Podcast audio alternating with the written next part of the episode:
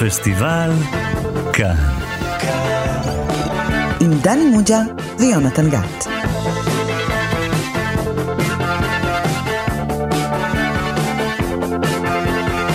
שלום לכם, אתם איתנו שוב בפסטיבל כאן, תוכנית הקולנוע הפנטסטית של תאגיד השידור הציבורי. אני יונתן גת, ואיתנו המורה לקולנוע, דני מוג'ה. היי דני. שלום יונתן, מה שלומך? אני בסדר, מה, אתה עושה אודישנים? אני הבנתי שאתה מגיע היום פה לאודישן, עושים לך טסט? לא, אני דווקא שחקנית ותיקה שמזכירה את הבית שלה לאחיינית שלה. עברת את האודישן. אבל הבנת... פה זה לא הוליווד, דני מוג'ה, הוליווד זה כאן. וואו. וזה אומר שאנחנו רומזים שהיום נדבר על הסרט המאוד ברור הזה.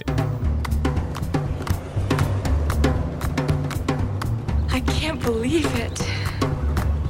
I'm just so excited to be here. I'm in this dream place. This one comes highly recommended. Dream place. What are you doing? Get out of the car. Yeah. The girl is still missing. What's wrong? I just don't know who I am. Wonder where you were going. Mulholland Drive. It's been a very strange day. Getting stranger. כן, שמענו קטע מתוך הסרט מלהולנד דרייב, סרטו של דיוויד לינץ' משנת 2001.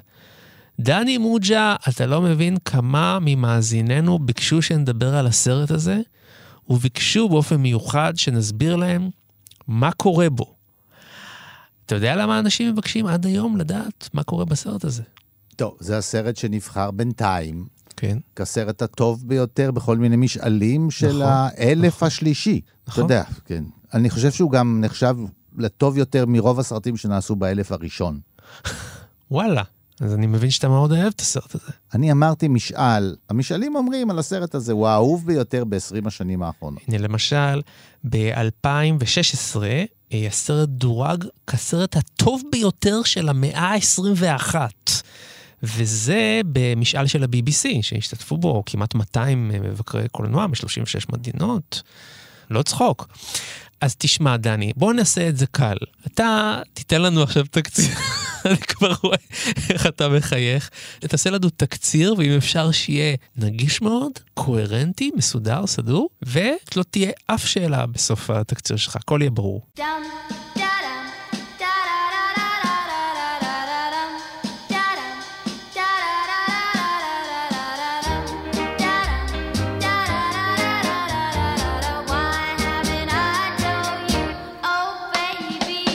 בחורה צעירה כן. מגיעה מאונטריו להוליווד. במטרה, שחקנית, אה, במטרה מתחילה. להצליח, אה, והיא מקווה, ו... יש לה קשרים יש קצת. דודה שלה, כן, היא כנראה שחקנית מבוססת, לפי הדירה שלה, לפי זה שהיא כרגע איננה בצילומים, והיא מגיעה לדירה, והפלא ופלא, בדירה היא פוגשת מישהי. מישהי הזאת היא מישהי שהצליחה לא למות בתאונת דרכים מהמם, במלהולנד דרייב, כן. כן, שהיא כביש המתפתל במעלה הגבעה הזאת, ששם השלט הזה גם הוליווד הידוע, ומעל סאנסט בולווארד, כן? והיא אה, פוגשת את הבחורה הזאת, בהתחלה היא חושבת שהבחורה הזאת היא איזושהי חברה של דודה שלה, אחר כך מסתבר שזה מישהי שפשוט אה, אה, מצאה מסתור בבית הזה, ושסובלת מאמנזיה, והיא לא זוכרת מי היא בעצם. וגיבורת הסרט עוזרת לה אה, לגלות מי היא. הולכת אה, אולי לפי איזה שם, אולי במקום שבו היא גרה, מבינה שכנראה היא לא זאת, והיא לא, ולאט לאט היא מנסה לפענח יחד איתה מי באמת הייתה, היא גם מתאהבת בה. ואפילו מממשת את האהבה שלהם, את הידע הבשרים ביניהם. כן. ועד רגע מסוים שבו מה שסיפרתי אולי הוא לא נכון. אולי, אולי בעצם כל זה היה אופציה אחת, אבל אולי בעצם היא לא מי שהיא חשבה, והיא עצמה לא מי אנחנו חשבנו. ו- וככה עד הסוף, עד הסוף. יש גם עוד סיפור. אתה רוצה עוד סיפור? יש סיפור מאוד יפה יש בסרט. עוד סיפור? יש סיפור כן. על, כן, יש על במאי שחצן, מהמם. צעיר ושחצן, שמגלה לפתע שהוא לא, למרות שהוא כנראה מצליח, הוא לא כל יכול, כי המאפיה מגיעה לאולפן שלו, מהמם. ומודיעה לו שהוא צריך להחליף את השחקנית אה, הראשית, ומי שתשחק את התפקיד זאת מישהי שהם בחרו, ולא הוא. כן. כן, ו, והוא נאלץ uh, לעשות זאת. במקביל הוא גם מאבד את uh, בת זוגו, הוא תופס אותה עם גבר אחר, אבל uh, דווקא החיים של, של הבמאי הזה מסתדרים יפה, כי בסופו של דבר הוא מתאהב, ואפילו הופך את uh, השחקנית הזאת, השנייה שגרה אצלה, הופכת להיות בת זוגו, וזה מעורר קנאה מאוד גדולה בגיבורת הסרט, והיא מאיימת אפילו לרצוח אותם. ובסוף, מה, איך אתה מתאר את הסוף נגיד? הסוף, הוא קצת דומה להתחלה. כן. שאולי ההתחלה בעצם הייתה הסוף. כן. שאולי כל מה שראינו בעצם היה מדומיין, וזה לא מה שחשבנו, אולי זה מה שהיא דמיינה. היא דמיינה את עצמה בחיים הרבה יותר טובים, ובעצם היא ממש לא הצליחה. והיינו צריכים להקשיב, כל הסרט בעצם היינו צריכים להקשיב לזוג זקנים מאוד חמוד, שכשהגיע להוליווד נפרד ממנה, מסתבר שהם היו איתה חמודים, ובכל הטיסה הם עודדו אותה, ותצליחי, ויהיה נהדר וכולי וכולי. והסרט בכל זאת נותן לנו דקה אחת איתם במונית, אחרי שהם בירכו את הילדה הזאת שמקווה להצליח בעוד, ומתפקעים מצחוק. הם מתפקעים מצחוק, הם אומרים, איזה תצליח, מה, אנחנו לא יודעים מה יהיה לה. למסכנה הזאת, איך הוליווד תדרוס אותה. הוליווד המושחתת, הוליווד הגסה, הוליווד הכוחנית, הוליווד הרק כסף, הוליווד שזה רק סקס, שזה הכל מאוד מאוד שטחי, הכל נקמני. יש לזה משמעות, אני חושב, לכל מה שסיפרת. יש לי רק מילה אחת להגיד לך לגבי התקציר הזה, סילנסיו. נועה בנדה. זאת המילה שנאמרת בסוף הסרט. כן.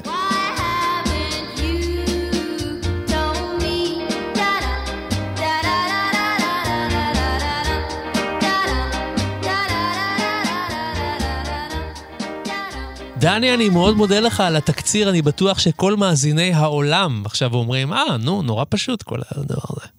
כן. אז תסביר לי שנייה, אבל דבר אחד. עשרות ומאות אלפי ומיליוני סרטים בכל העולם, ודווקא הסרט הזה נבחר על ידי משאלי אה, מבקרים כהסרט הטוב ביותר, ובעוד שיש אנשים שלא מבינים כל כך על מה מדובר בסרט הזה, סרט לא תמיד כל כך פשוט להבנה, ואנשים מצפים מאיתנו שאנחנו נעבוד ונעמול, אז איך זה יכול להיות שמצד אחד הוא אהוב ביותר ומצד שני הוא לא מובן? אז רק אה, הסתייגות אחת. כן. כשאתה אומר, הסרט הזה הוא לא מובן בשני מישורים, או לא מובן מיד, או זקוק לפרשנות, אבל אתה צודק, כבר ברמת העלילה. זאת כן. אומרת, יוצאים מהסרט הזה ולא כולם יכולים לספר את העלילה, מה בדיוק קרה. כן. מה המשמעות של זה, זה כבר עניין נוסף, כן? לא תמיד, לפעמים עלילה מסודרת ואתה לא מבין את המשמעות, אבל העניין הוא שהסרט הזה יש בו סרטים... לא מדברים איתנו בעלילות. זה, אתה יודע, העלילות מדברים איתנו בחדשות. במבט לחדשות, אומרים לך ככה, ככה וככה, ככה, ואתה אומר, וואי, וואי, וואי, וואי. דיוויד לא. לינץ' תמיד אומר. כשאתה שומע מוזיקה, אתה לא שואל אה, מה המוזיקה רצתה להגיד, אתה נהנה מהמוזיקה. בדיוק, בדיוק. אוקיי. והוא יודע להפנט את הקהל, קודם כל, וממש אה, לכבוש אותו. הסרט הזה הוא סרט רומנטי בצורה לא רגילה, זאת אומרת, ממש אתה מתאהב באנשים, אתה מתאהב בתמונות, אתה מתאהב ברעיונות, ויש לך תחושה אבל שיש שם כנראה אולי איזו משמעות, ששווה לפענח אותה. מי יפענח אתה? אני, יש לי תואר שני. בשביל לפענח צריך תואר שלישי. עוד פעם אתה מתחמק? אז תשמע, לא רק תואר שלישי, אלא אדם שגם כתב על הסרט הזה בין היתר, אה, ועל דיוויד לינץ'. נמצא איתנו דוקטור דוד גורביץ', מחבר הספר הבלש כגיבור תרבות, והגנגסטר שיק והגנגסטר הפוסט-מודרני, ועכשיו יצא לו ספר חדש שנקרא השבט אמר את דברו. היי דוד. היי יונתן. טוב, אנחנו, גם אני וגם אתה, אוהבים מאוד את דיוויד לינץ', ואתה מרבה לדבר עליו. ובכל זאת, מה היית אומר לבן אדם שאומר לך, דוד, מה הולך בסרט הזה? מה הולך? מה רוצים? מה היית עונה? הייתי עונה לו במשפט אחד שדויד לינץ' לימד אותי. הוא אמר, החיים הם חלום. החיים הם חלום. והחלום כנראה הוא סוג של מציאות. זאת אומרת, ההבחנה הזאת בין חיי העירות לבין חיי הלילה, החיים המעשיים, ההגיוניים, הליניאריים, והחיים האלה, האומנותיים, המעורבבים, החיים שבחלומות, ההבחנה הזאת לא קיימת יותר בקולנוע של דיוויד לינץ', למעט אולי סרט אחד מפורסם שלו, אחר, סיפור פשוט, שזה עולם אחר, גם שווה פעם לדבר. בכוונה הוא קרא לזה ככה. Straight Story. כאילו, בדרך כלל הוא מספר סיפורים מורכבים, שיוצרים בעצם את המורכבות שבין מציאות, ערות, לבין חיי, יש גרסת יום וגרסת לילה של המציאות, וגרסת לילה של המציאות זה החיים שלנו. Mm-hmm. אנחנו משלים את עצמנו על ידי קונבנציות שאלה החיים המאורגנים, הנשלטים, אבל למעשה אנחנו... נשלטים על ידי הדמיונות שלנו, על ידי התשוקות שלנו, על ידי הממשי הזה שדיבר עליו לקאנר, וכן, מה שמניע אותנו זה תשוקה. ולא מה שמניע אותנו זה באמת רעיונות. תשוקות מניעות אותנו, כי רעיונות לא מניעים, רעיונות חושבים, אבל מה שמניע אותנו לפעולה, בחיים, בפוליטיקה, בכל תחום זה תשוקה. Mm-hmm. אם לקרל מרקס לא הייתה תשוקה, אז לא היה המניפסט הקומוניסטי ולא היה סוציאליזם ולא היה כלום. לא היה רק רעיונות לכתוב, היה את התשוקה הזאת, להניע, לשנות את העולם. Mm-hmm. רעיונות לא משנים, מעשים משנים. מעשים מונעים על ידי תשוקות, ולדויד לינץ' יש את התשוקה של חלום, גרסת יום, גרסת לילה וערבוב ביניהם. אני חושב שמי שבא לעולם של לינץ' לקח את זה בחשבון מראש, ואז קל לו. אז הוא לא מחפש, רגע, מה קורה פה? רגע, רגע, הוא היה פה, איך זה מתחבר הבחור הזה עם הקולנוע, הבמאי קולנוע פתאום לסיפור הזה של הניצולה, ואיך הניצולה הזאת מתחבר פתאום לסיפור של בת דודה שבאה אה, אה, להתאמן, לעשות אודישן בהוליווד, ואיך זה מתחבר בכלל לביקור באיזה תיאטרון כזה ביזארי, שהם שומעים שם, כולם נכנסים ושומעים שם אה, הצגה. התשובה היא, זה מתחבר ברמת המטאפורות, זה מתחבר ברמת הצבע, ברמת התמונות, ברמת הרגש. דויד לינץ' בין השאר, כמו שאמרת, הוא גם מוזיקאי, גם צייר, כלומר, הוא אומן פלסטי ביסודו. Mm-hmm. והוא גם אומן של סאונד, יש את המוזיקה המדהימה תמיד של בלדמונטי, אתה יודע, בכל הסרטים שלו, כמו שיש, כן. אני יודע, סרג'ו ליאורני יש לו את אניו מוריקוני, אז לא יש את בלדמונטי. זו מוזיקה שהיא בעצם אותות מהעולם הפנימי. נניח בכביש אבוד, אנחנו שומעים את המכונית נוסעת וחריכת צמידים. חריקת צמידים, אבל המוזיקה האלקטרונית יוצרת את החריכה הזאת. לא, לא, לא ממש ההקלטה של צמיגי המכונית ששועטת בלילה באפלה ליעד בלתי ידוע. עכשיו, היעד פה הוא החלום. מהו עם ממלכת החלום להוליווד? שדרות הוליווד. שם זה מתרחש. כלומר, זה מתרחש בתוך עולם הקולנוע. עכשיו, צופה בא עם הרעיון, אני כבר מכיר בגבולות האלה, המטושטשים בין חלום למציאות. ואני מבין שאני בא לעולם של קולנוע, שבו האשליה הופכת למציאות. ואני מבין שכל הסרט הזה אודות הקולנוע. ולכן, לא רק האמצעים יהיו קולנועיים, העלילה תהיה קולנועית, ובעצם המושא של ההתבוננות שלו זה איך העולם של הקולנוע עובד. איך זה קורה? מהם הדמיונות שלנו? איזה סוג של סרטים עושים לנו? איך המנגנון של העבודה הזאת עובד שם, האודישנים וכל זה, הכוכבות עובד? איך ההסתכלות שלנו על כל מיני דברים כאלה. כל כך הרבה סרטים ראינו מכונית שועטת באפלה, פתאום איזה גבייה לצד הדרך, יער, סרט אימה. עכשיו, זה, זה לא סתם סצנה, זה סצנה ארכיטיפית מתוך קולנוע.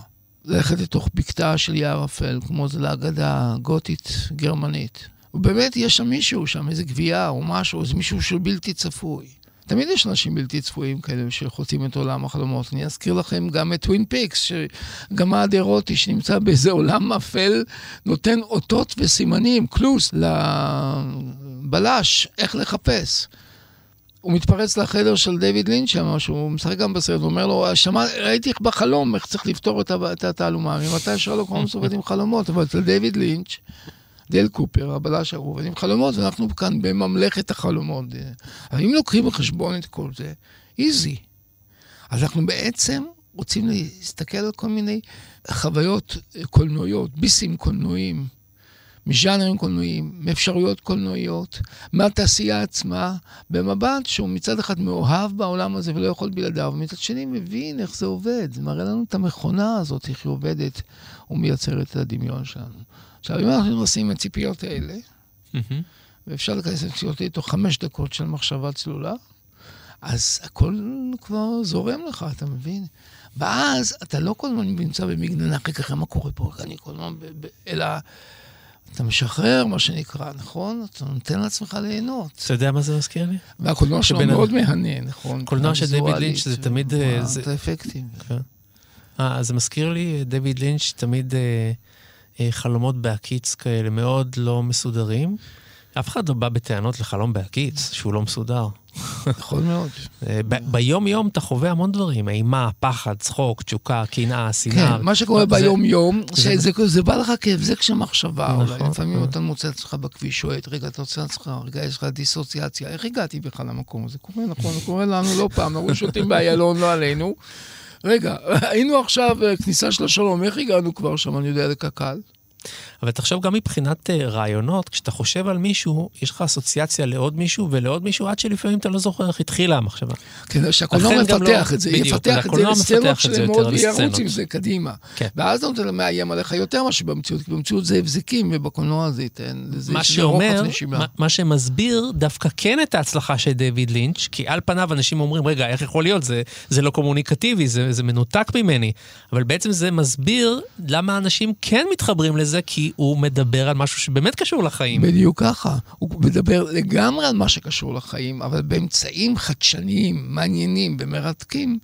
שמקסימים אותנו. אז אם אנחנו מבינים שהוא מדבר על הדברים שהם הכי הכי קורים לנו בחיים, ומצד שני משתמש באמצעים רעננים מאוד כאלה, בלתי צפויים, כדי להמחיש לנו את זה, אז אנחנו מכירים לו תודה. והנה המשאל על הפופולריות מוכיח. זה גם מוכיח שאפשר להיות גבוה מאוד, ומצד שני להיות מרגש מאוד, קומוניקטיבי באיזושהי צורה עליונה מעבר לשאלה מה הולך בדיוק בעלילה, ו...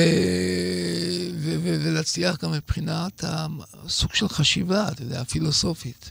ועדיין, מדוע יש הרי אומנים שהם כן משחקים על העניין הזה של בגדי המלך, כן, המלך הוא עירום, כי הם מנסים לעשות סתם סרטים שיש בהם קשקושים. כלומר, איך נבדיל, תמיד שואלים לגבי אומנות מודרנית, תמיד שאלו, איך נבדיל מתי האומן הוא שרלטן, שמצייר לנו איזה סתם עיגול על הזה, ומתי אנחנו מדברים על אומן אמיתי. אצל דיוויד לינץ' אפשר להבין שהוא מדובר באומן אמיתי, מכיוון שגם אם הציבור לא יודע להסביר למה הוא נסחף, זה מדגדג לו מתחת לאור. הוא יודע שדויד לינץ' נגע לו בנקודות אמיתיות מהחיים, מהסיוטים האמיתיים, מהפנטזיות האמיתיות, מהתשוקות האמיתיות. כמו שרואים סרט של פליני, שלפעמים לא הכל ברור, אבל פליני מאפנט אותך וגורם לך להזדהות עם דבר שעוד לא הבנת אותו. תבין אותו אולי אחר כך בהמשך.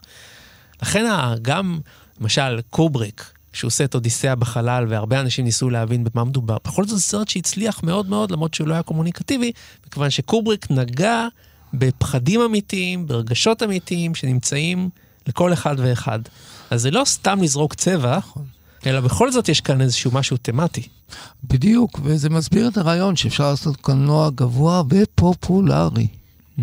זה הרעיון המרכזי, זה נוסחת הקסמים שכל הקולנוע האיכותי מחפש אותו היום, וגם הטלוויזיה, במיוחד הטלוויזיה, עם הדרמות האינסופיות האיכותיות של השנים האחרונות, שהפכו את הטלוויזיה למדיום אומנותי שמאי...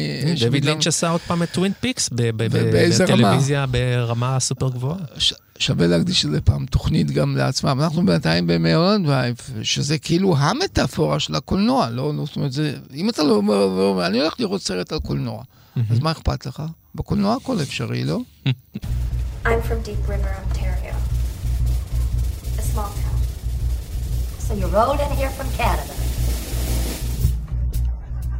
I always wanted to come here. I won this jitterbug contest. That sort of led to acting. You know, wanting to act. Well, how did you meet Camilla? On the Sylvia North story.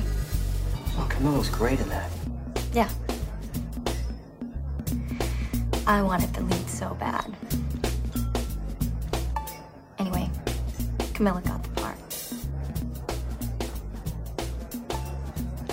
The director. Bob Brooker? Yes. He didn't think so much of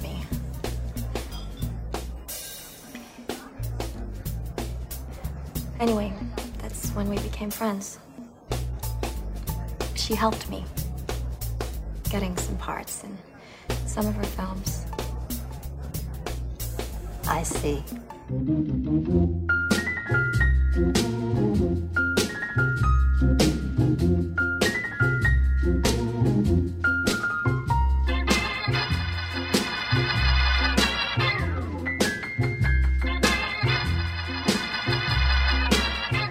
תראו, זה, אני חושב שגם בהקשר של לינץ', בכל זאת זה יוצא דופן. כי יש סרטים שבהם, אוקיי, אה, אני מצליח לעקוב אחרי המהלך העלילתי, אבל לא... היה צריך לעזור לי להבין את העומקים הפסיכולוגיים או הפוליטיים, המטאפורות מאוד מוצנעות. הוא סרט מאוד מאוד עדין, וצריך, כן, או שהקצב מאוד איטי, ואז uh, קשה לי לצפות בו. במקרה הזה, יש פה איזו פרובלמטיקה בנרטיב, כן? וזה לא סרט שאוקיי, ראיתי את הכל, ובסוף כל המפתחות uh, ניתנים לי, והמילה של מפתח, אני לא סתם משתמש בה, כן? כי יש מפתח בסרט. יש מפתח שרק, ואין מנעול. רק בהמשך, בשלב מסוים מגיע המנעול, מגיעה הקופסה שאפשר לפתוח עם המפתח את הקופסה הזאת, וכשנפתח את הקופסה והמצלמה צוללת לתוך הקופסה, מתחיל סרט חדש. זאת אומרת, עכשיו אנחנו רואים את הכל עוד פעם או אחרת, כן? כן. אה, והמפתח הזה גם יחזור, כי הוא גם, אה, גם כשמזמינים רצח, למשל, אז אה, הרוצח אומר, כשתראי את המפתח הזה על עדן החלון, תדעי שהעסק בוצע. בוצע. לא על עדן החלון, על השולחן או משהו כזה, על השידה. זאת אומרת, זה עניין של המפתחות, אבל, ו, ויותר מכך, גם, אני חושב, חברת ההפצה של הסרט הרגישה שיש פה איזה, איזושהי בעיה, והיא סיפקה... אה, פתרונות כאילו. היא סיפקה אה, במארז ה-DVD. כן. מארז ה-DVD זה כבר היה 2001, כן. במארז ה-DVD, אני חושב, לא קלטת, מארז ה-DVD, היא סיפקה דף כזה עם 10 clues, עשרה מפתחות, אה, שאם מפנים את תשומת הלב שלך לעשרה דברים בסרט, עכשיו הם לא ניתנים אה, לעוסים לגמרי. אגב, בארץ, הסרט כשהוא הגיע, הוא הגיע כשכבר היה DVD, אז זאת אומרת, הוא הגיע עם המפתחות. חילקו את זה בהקרנת העיתונאים הראשונה, חילקו גם סטנסיל כזה עם המפתחות לפתרון. זאת אומרת, אבל איפה הפתרונות האלה מובילים? אה, איפה המפתחות האלה אני? מוכרח לומר שאני זוכר רק את הראשון. כן, את ה- שהוא? שהוא, כבר בפתיח יש שני דברים, פרטים שכדאי לזכור. נו, מה, אני יודע איזה שני פרטים, אז זה עזר לי, אז עוד יותר תסכל אותי. אז הסתכלתי מאה פעם, מאה פעם בפתיח הזה, אני זוכר, ולא ראיתי שום דבר שעזר לי לפענח. אחר כך... אה, כמובן באינטרנט אתה יכול למצוא גם את כל הפתרונות האלה, ויש רמזים שהם מארגנים לך אה, מוקדם ומאוחר, כן, אם משהו מופיע, אז סימן שהדבר הזה מופיע אחר כך, סימן ש... כן, ומאוחר וחלום או מציאות. זאת אומרת, מבחינה זאת כן, המפתחות יכולים לסייע לך. שים לב שהספה הזאת או המיטה הזאת מופיעה עוד פעמיים. כן? ואז מה? ואז מה? ואז אתה זה- יכול זה מוביל? להבין שזה למשל מישהו, אותו בן אדם. כן. כן, אבל ואז באמת השאלה עדיין מהדהדת, ואז מה? מה הועילו חכמים בתקנון? כלומר, הרעיון הוא בעצם ללעוס לקהל ולהרגיע אותו, אבל למעשה זה לא מרגיע, לדעתי זה פרודיה, כל המפתחות האלה. כמו סרטי בלשים, תמיד משאירים איזה מפתח אחד, והוא פתרון, לפתוח את הארון, לפתוח את הזה. מין פרודיה עצמית כזאת, שחורה, אפלה. תראו, תעקבו טוב, תעשו עבודה בלשית טובה, אתם תמצאו, שלטלתי לכם רמזים, כמו מחפשים את המטמון, כאילו. אבל זה חלק מהמשחק, אל תראו, תבנו על זה באמת, זה לא מסביר את החיים, זה לא מסביר את החלומות, זה לא מסביר את הוליווד והתשוקות שלה, זה מסביר את הצורך שלכם להרגיש בטוחים. אם פותחים דלתות, מבינים דברים. אבל קחו בחשבון שזו בדיחה. בדיחה עולם החלומות. העיתונאים הם נפלו קורבן לבדיחה, אבל זה 2001, העיתונאים אז לא היו מספיק מתוחכמים. בכל אופן, דיוויד לינץ', אני, הוא מספק אה, מין פתרונות דמה כאלה, אבל כחלק מהמשחק. יש לנו ז'אנר בלשי שהוא ב- עובד איתו, כאילו מתייחס אליו. כן. יוצר זה איזשהו כמו עולם. שבנקסי אה, שותל כל מיני רמזים שמובילים אליו, וזה אף פעם לא מוביל אליו 25 שנה. ואף כן. פעם לא מוביל לפתרון. כן. כי מה, מה הרמזים צריכים לעשות? שכל רמז יקדם אותך, נכון? שלב, תחנה מסוימת, ובסוף הכל ייפתח. המ... והסזמי, סזמי, המערה תיפתח. אבל שום מערה לא נפתחת בסוף. ו- ושום מפתח לא מסביר. ואם תבין מה קרה לספה, מה יצא לך מזה? נגיד, תפסת את הספה שהופיעה שלוש פעמים, נו, ו... וזה קשור לגיבור הזה. אחר כך כל המועדוני המעריצים שמחפשים ילדים נותנים תיאוריות, אבל זה, זה, זה חלק מהז'אנר הפופולרי של, של כל מיני מועדוני מעריצים שולטים כאלה, ששולטים כל מיני גרפומניה אינסופית ברשת. טוב, בסדר, מה הם יכולים לעשות? לפתור חלומות, את כמה פרשנויות לקולנוע מגוחכות יש ברשת. זאת אומרת, מה אנשים יש עושים? יש אתרים שלמים שמוקדשים רק לסרט הזה, דוד. ברור לי, ברור לי לגמרי, אבל זה מסביר יותר על האומללות של האנשים שמפרשים מאשר על הגירובות של דיוויד לינץ', תסכים איתי. זה האומללות של המפרשים. הפרשנים אומללים, הם זקוקים לעשות משהו עם עצמם. למה לא תבין שהחיים לפעמים חידתיים בעצם? שאתה לא יודע. אמורפטית, תאהב את הגורל, תאהב את הבלתי צפוי, כמו שציין ניטשה, וגמרנו, סגרנו עניין. אני חושב שדויד לינץ' הוא טיפוס ניטשיאני, אתה מבין במובן הזה. אבל מה בכל זאת יש בסרט... אני רואה זיק של אי הסכמה בעיניי. לא, חלילה, ממש לא, לא, להפך. תן לו משהו. אני, לא, לא, לא, לא. אני מאוד מבסוט ממה שאנחנו אומרים פה. אני רק שואל, הבלגן הזה שמתרחש כביכול, מה יש בבלגן הזה מבחינת הטכניקה של דיוויד לינץ', איך הוא אורז את כל הבלגן הזה, שמצליח, כמו שאמרנו, לפרוץ את הפופולריות העצומה בעולם, שאין בסרטי בלגן אחרים שאף אחד לא זוכר אותם. לא, אוקיי? לא, לא. בכל זאת יש כאן איזושהי תמטיות זה, מסוימת. אני אחדד את השאלה שלך, ברשותך. בבקשה. זה לא, יש גם סרטים מאוד מאוד מצליחים, mm-hmm. כן? ואז, אה, שגם כן, הם הרבה רעש והרבה צלצולים. והם מאוד הצליחו, אבל הביקורת אומרת עליהם שהם אה, סרטים איומים ונוראים, רק הם מלא, מלאי רעש וצלצולים, אז הקהל הולך שבי אחרי הפסאודו-אומנות, כן? אבל זה לא באמת. בגדי המלך. ופה דווקא אה, יש אה, לפחות... תמימות דעים. לא, כמעט. לא, לא, לא מוחלטת, אה, אוספים פעם בכמה שנים, אוספים את המבקרים, מושיבים אותם בחדר, אומרים לו, אוקיי, קשקוש או כן, אומנות? כן. אז איך זה? אז אני קודם כל אומר, משום שהסרט הזה, יש בו, הוא מפעיל את היסודות המובהקים של הקולנוע, שאיתם הקולנוע או. פועל. ואחד, זה כן, אתה במתח. Mm-hmm. אתה במתח, יש סצנות שמבוימות עם מתח. אתה רוצה, נכנסים לבית ונכנסים מהחלון ולא מהדלת, אתה יודע, וזה מותח, יתפסו אותם, לא יתפסו... אתה במתח. יש אה, אירועים אפלים שגורמים לך ללחץ כזה, אתה יודע, תאונת הדרכים. כן, אז זה, זה, זה, זה בנוי כמו בפילם נואר, זה מאוד מאוד אפל, מכונית, רק פנסים, רק עיניים. פתאום תאונה כזאת, אתה יודע, פתאום שבריר כזה, זה, זה, ויש רומנטיקה. Mm-hmm. אתה, אה, יש אה, אה, נשים שאתה רוצה, נשים יפות, שזה גם כוח משיכה בקולנוע, אתה יודע, יש עולם הזוהר הזה, אתה יודע, יש אימה, יש הומור, כן? Mm-hmm. יש הומור. גם יש הומור עצמי, כזה, יש, יש, יש, הדמות האולי נלעגת ביותר בסרט הזה, הבמאי קולנוע הארוגנטי הזה. ולינץ' לא מעניש אותו, נותן לו את כל הטוב, הוא יודע, בהוליווד זה אלה שהכי מצליחים, כן? אז הוא, הוא, הוא, אשתו הרי בגדה בו, והוא תפס, אות, תפס אותה עם, עם המאהב שלה, ואז הוא אומר, השופט החליט, איזה שופט, אני כל כך אוהב את השופט הזה, השופט החליט שאני מקבל את הבריכה, והיא מקבלת את המציל. כן, זה באמת הומור. אבל תשמע, דני, אני אגיד לך מה אני חושב. הסרט הזה בעצם מדבר על כל האנתולוגיה של הסרטים. האנתולוגיה של הסרטים ההוליוודיים. התאונה, סאנסט בולווארד, הבמאי, הבמאי מה זה? זה כמו הסנדק שהמאפיה אומרת לו, אני אבחר לך את השחקן שיופיע אצלך, הבחורה. כן, ברור, התכתבות.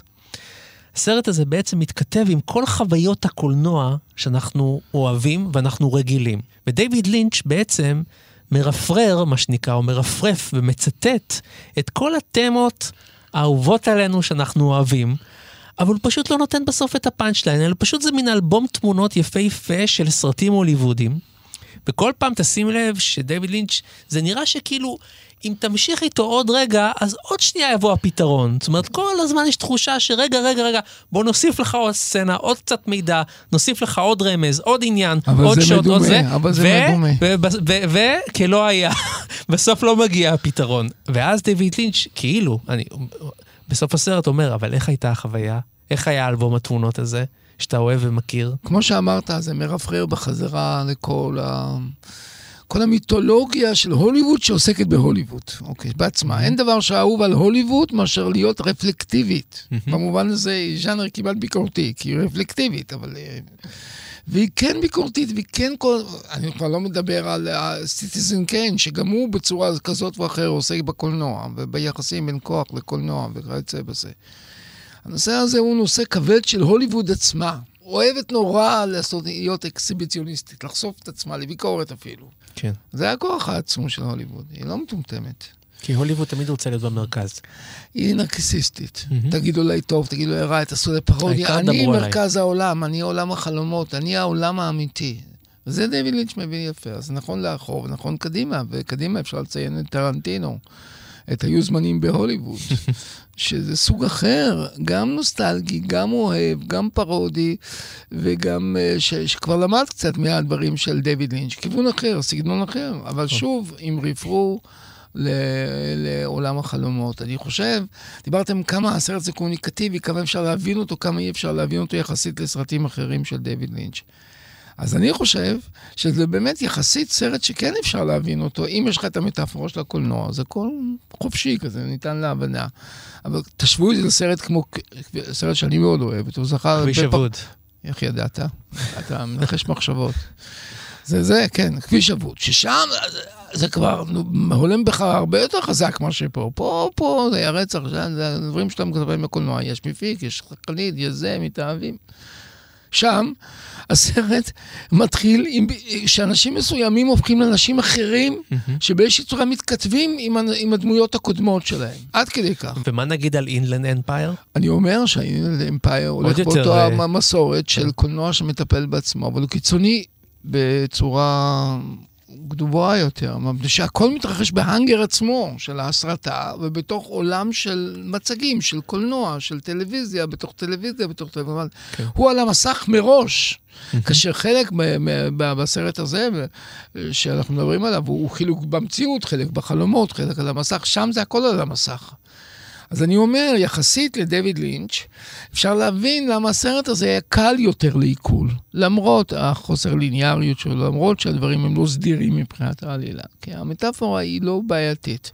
ויש דברים יותר אוונגרדיים. ציינתי שניים מהם, ששם הם מפילים אותך בצורה חזקה, והייתי אומר, זה רק למטיבי לכת במובן מסוים. חובבי לינץ', חובבי הז'אנר, מה שנקרא, אבל מלהולנד דרייב הוא באמת פתוח לכולנו. כי כולנו אוהבים קולנוע. אקשן!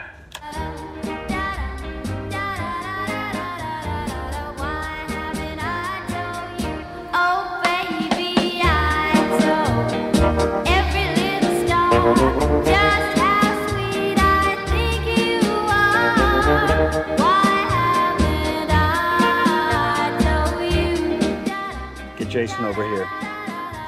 Cindy, Adam wants to see Jason. Did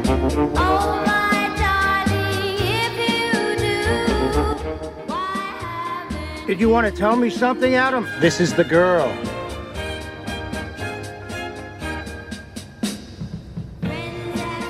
Excellent choice. הסצנות ברובן, ברובן, הן סצנות שאתה מסתכל עליהן באופן מנותק ממה היה קודם ומה היה אחר כך, הן סצנות יחסית ריאליסטיות. אתה רואה אנשים שראית כאלה, אנשים מדברים, עושים, עושים פעולות, לא משהו שאתה לא מבין מה קרה שם. הרבה פעמים, הקושי זה, עכשיו אני רואה עוד סצנה, ואיך היא, אה, לא תמיד היא סיבה ותוצאה. אני לא יודע אם היא הייתה, אם היא התרחשה באותו עולם מציאות, האם היא התרחשה קודם או אחר כך, למשל, זה דבר אחד. יש גם כמה סצנות שהן מראש מוצגות לצופים כמשהו שהוא נמצא בספירה אחרת. כמו למשל, הזכרת את, התיאט, את המופע תיאטרון, הזה. מופע תיאטרון כן. שהוא באמת ו- בעולם אחר. ורבים יוצאים מהסרט הזה עם, עם הסצנה הזאת, והיא דווקא היא הכי פחות הפריעה להם. כי היא מוגדרת קצת כמטאפורה, כי, כי היא לא אומרת לנו, ותיקחו משם איזה פרט, ותראו שאחר כך הוא יתגלגל קדימה, היא ממוסגרת, ואז אז, אז קל יותר ככה... היא אה, ממוסגרת כעולם בפני עצמו. כן, עולם כן. אונתולוגי בפני כי, עצמו. כי, ומי ששם לב, היא, היא, היא מציעה לנו מטאפורה להבנת כל הסרט, ותירגעו, כן? אין, לא, התבלבלתם. למרות שאמרו לכם בהתחלה, כן, אין תזמורת. כן, הסצנה מתחילה בזה שאין תזמורת, אוקיי, ואז שומעים זמרת, ומסתבר שלא רק לא הייתה תזמורת, גם לא הייתה זמרת. כי הזמרת מתה, והיא ממשיכה לשיר. סימן שזה היה פסקול בכלל. ובקולנוע יש פסקול שהוא עצמאי. בבקשה. אז מה שאתם רואים זה לא מה שאתם רואים בקולנוע. הוא למד משאנו גודר בעניין הזה. כן, סרט לגמרי. אחר שדיברנו עליו. אבל, אבל נכון. זה ממש, זה מדבר אלינו את זה, כן? אחר כך הוא גם, יש לו את הנטייה הזאת להוסיף דברים כזאת שהם, אה, הם, יש כאלה שנרתעים מזה. כלומר, אתה הזכרת שהמילה שחותמת את הסרט, כן, היא, היא סילנסיו, כן? כמו שרוזבד חותם כביכול נכון. את, כן, כן, אבל... אזרח כן. אבל התשובה לרוזבד היא תשובה פשוטה, אתה יודע, היא, היא תשובה ממש ממש פשוטה. יש, כן, הבנו, זה אה, מזחלת שהייתה לו כשהוא היה ילד, וזה הדבר, אנשים נזכרים במשהו שהיה להם אה, בילדות, וזה הפתרון. הוא פתרון קטן של איש, ולא איזה תעלומה ש... והסילנציה זה המקום הזה שהם הלכו אליו, כן, איזה, אבל, אבל האם אני אזכר דרך ה... האם זה המפתח שקיבלתי ממנה בסוף הסרט ואני אפתח והכל יסתדר פתאום ב... ב... ב... ב... ב... ב... אה, כן, הכל ייפול למקומו, הטטריס יסתדר ויתמלא והכל יהיה מלא? לא. ספק. לא. אה, דרך אגב, יש חלק מהעניין של הסילנטיו וכל זה, זה חלק גם מאיזה עולם אחר, אולי כזה, שאפשר לבקר אותו, של דייוויד לינץ', זה ההתחברות שלו לעניין של אה, רוחניות, מדיטציה, אתה יודע שהוא חסיד גדול, הוא ממש כן, עושה לגמרי, הרצאות הוא שלמות. כתב על אה, זה ספר. כתב על זה ספר, אז אה, חלק מאותה, מאותה רוחניות או פנימיות, היא יכולה גם להיתפס אה, כסוג של, אה, של אה, ניקיון יתר כזה. אפשר לבקר חלק מאותה רוחניות מוגזמת, אותה סילנציו, שמזכירה בעצם קצת את הסיום של מאמר לוגי פילוסופי של ויטגנשטיין, על, על הדברים שאפשר לדבר עליהם יש לדבר, והדברים שאי אפשר לומר עליהם יש לשתוק. אז זה קצת ויטגנשטיין, ואולי קצת מוגזם קצת, אבל אנחנו יכולים לסלוח לו על הדבר הזה, וההיגררות הזאת, כאילו, לאניגמטיות, חידתיות, מתייפייפת משהו בסוף, בזכות העוצמה החושנית והתשוקה האינסופית, נכון? שהסרט הזה בעצם אה, מוצף בה. אני נזכר שדייוויד לינץ' אמר באחד הראיונות, שאלו אותו, מאיפה הרעיונות שלך באים? אז הוא אמר, אני מדמיין מסך טלוויזיה, דלוק מולי, ואז מופיע על המסך טלוויזיה הרעיון שאני רוצה. אז שאלו אותו, אבל מאיפה... כמו, נשמע כמו התגלות. אז אמרו, אבל מאיפה הרעיון הזה מגיע לטלוויזיה? אז הוא אומר, הוא, הוא פשוט מופיע, הוא בטלוויזיה. זאת אומרת, הוא כאילו נותן, הוא, הוא עוד שנייה נותן לך כאילו מפתח, והוא ממש לא נותן. לא, בסך הכל- הוא מספר לך סיפור. הוא זה מה ש... רגע, הוא מספר לך סיפור. כן. הוא מספר לך סיפור על אותות מסתוריים בטלוויזיה, שהוא איזה חייזר בשם דיוויד לין, שזה הוא עצמו, שמסתכל עליהם. כלומר, הוא מוכר לך סיפור. הוא לא מה שאני נותן תשובה, הוא מה נותן שאני סיפור. אוהב ב, ב, בתשובות שלו, שבמין סוג של די תמימות, ככה לפחות זה נראה, בנאיביות, הוא מסביר את הבלוף של הקורסים ביצירתיות, כאילו. איך תהיה יצירתי, איך תביא רעיונות, איך זה. בסוף הוא אומר, זה, זה, זה, אין, אין לזה תשובה. אין לזה אין לי פתרון. תשובה, אבל בוא נספר לך סיפור. כן. תפתח את הטלוויזיה, זה- ואני רואה את זה, בום, הבנת? מומחה בלספר סיפורים, והרעיונות שלו אומרים שיש לו רעיונות במשאיות. טוב, לא סתם נזכרת בטלוויזיה, אתה יודע שהסרט הזה הוא בעצם תוצאה של uh, סדרת טלוויזיה שלא נעשתה. Mm. מה שאנחנו רואים זה בעצם פיילוט עם כמה תוספות, שיכול להסביר, זה אגב, הסבר במישור אחר לגמרי. לא מסביר את העלילה, מסביר מדוע העלילה היא, היא שבורה כל כך. כי כמעט כל הרעיונות שיש פה, הם רעיונות שהיו צריכים להתפתח, אילו היו מאשרים את הפיילוט הזה, היו צריכים להתפתח לאורך סדרה שלמה. אז היה את הסיפור של הבמאי, והיה את הסיפור מסתורין, והיה את הסיפור של השחקנית שמגיעה להוליווד ורוצה להצליח. הוא ארגן את זה ככה, שזה, אה, זה, וזה אז הפך לסרט אחד, שמסביר גם אולי אה, את ה... איך לקרוא לזה? את החוסר ליניאריות, כן? כי זה הרבה התחלות של דברים שאולי בהמשך היו מתפתחים. אני לא אומר שהוא היה פותר לנו את זה, כן? כמו בטווין פיקס, נגיד שטווין פיקס זו סדרה יחסית, עם כל המסתורין שנשאר, יחסית הדברים מסתדרים בסוף, צריך המון סבלנות. המון המון סבלנות, ולא סתם סבלנות, וגם, אתה לא יכול לראות פרק ראשון, שלישי ושמיני. נכון. זה לא, אתה לא משלים, כי זה לא באמת כמו שאנחנו יודעים, טוב, הבנתי. הוא לא דואג שבכל רגע יגידו מה היה שנייה קודם, ושתוכל להשלים את זה יחד. הוא הולך קדימה, אתה נמצא באיזה הווה מתמיד כזה, ואז בהווה לא אומרים לך אף פעם, אה, היה ויהיה, כי אתה חי אותו, ואם ההווה הזה הוא חלום, אז החלום לא אומר לך, אה, אתה יודע שאני חלום, להפך, הוא מבלבל אותך כל הזמן. זאת אומרת, כך קולנוע עובד. אז, אז אני באמת, אני מרגיש חזק שזה אה, מטאפורה שמדברת הרבה על קולנוע, אבל אני קראתי אה, אה, לפחות אה, ביקורת אחת או שתיים על בסיס פסיכואנליזה, ודברים מאוד מאוד יפים אפשר, מצליחים לראות בסרט הזה. רואים באמת איזו תחושת אשמה וחטא, ומישהו שמארגן לעצמו את החיים. כן, יש פסיכולוגיה נרטיבית כזאת, שאתה מספר סיפור חדש, ואחר כך אתה אולי תצליח לממש אותו. אז פה יש, mm. יש איזה ניסיון כזה לספר סיפור חדש לחיים של עצמה, שהחיים בעצם אם היא הייתה מתוודה על מה שהיה באמת, אז הם חיים עלובים ונוראים. כן, ולינץ' עוזר לה, כי הוא מספר את הסיפור החדש שבחורה מספרת לעצמה. מספרת לעצמה סיפור שהוא לא היה ולא נברא. ואת זה אנחנו רואים. There is no way that girl is in my movie. This is the girl. Hey, that girl is not in my film. It's no longer your film.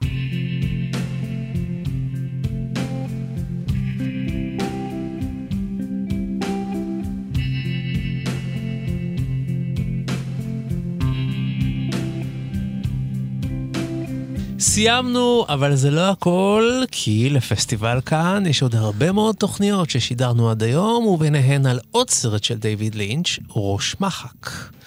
כן, וכמובן על עוד בימאים וסרטים אה, ממגוון ארצות וז'אנרים, הכל נמצא באפליקציה שלנו שקוראים לה כאן. או בכל אפליקציית פודקאסטים אחרת שאתם מעדיפים, אה, ולא נעשה לכם על זה ייסורי מצפון. בכל מקרה, אתם נכנסים לפסטיבל כאן, וכל התוכניות יחכו לכם שם. אנחנו רוצים להגיד תודה לטכנאי שלנו, שרון לרנר, לעורכת הטכנית שלנו, חן עוז. אנחנו רוצים להגיד תודה למחבר הספר הבלש כגיבור תרבות, שם הוא מתייחס גם לדיוויד לינץ'. דוקטור דוד גורביץ', תודה רבה שהיית איתנו. תודה רבה לכם. אני הייתי יונתן גת, ודני מוג'ה, רציתי להגיד לך שככל שאני מנסה להבין את דבריך, ככה הדברים מסתדרים יותר ואני מבין הרבה פחות. הגדולה היא מסתורית. יפה, סחטיין על הטפיחה העצמית על השכם, חבל שאתה לא טופח גם על הקולגות שלך על השכם, אבל זה בסדר, אני רגיל לזה. ואנחנו מודים לכם על ההאזנה, ואנחנו נתראה עם הגדולה ששמה דני מוג'ה גם בשבוע הבא בתוכנית של פסטיבל כאן. ביי ביי. להתראות. להתראות, ביי ביי.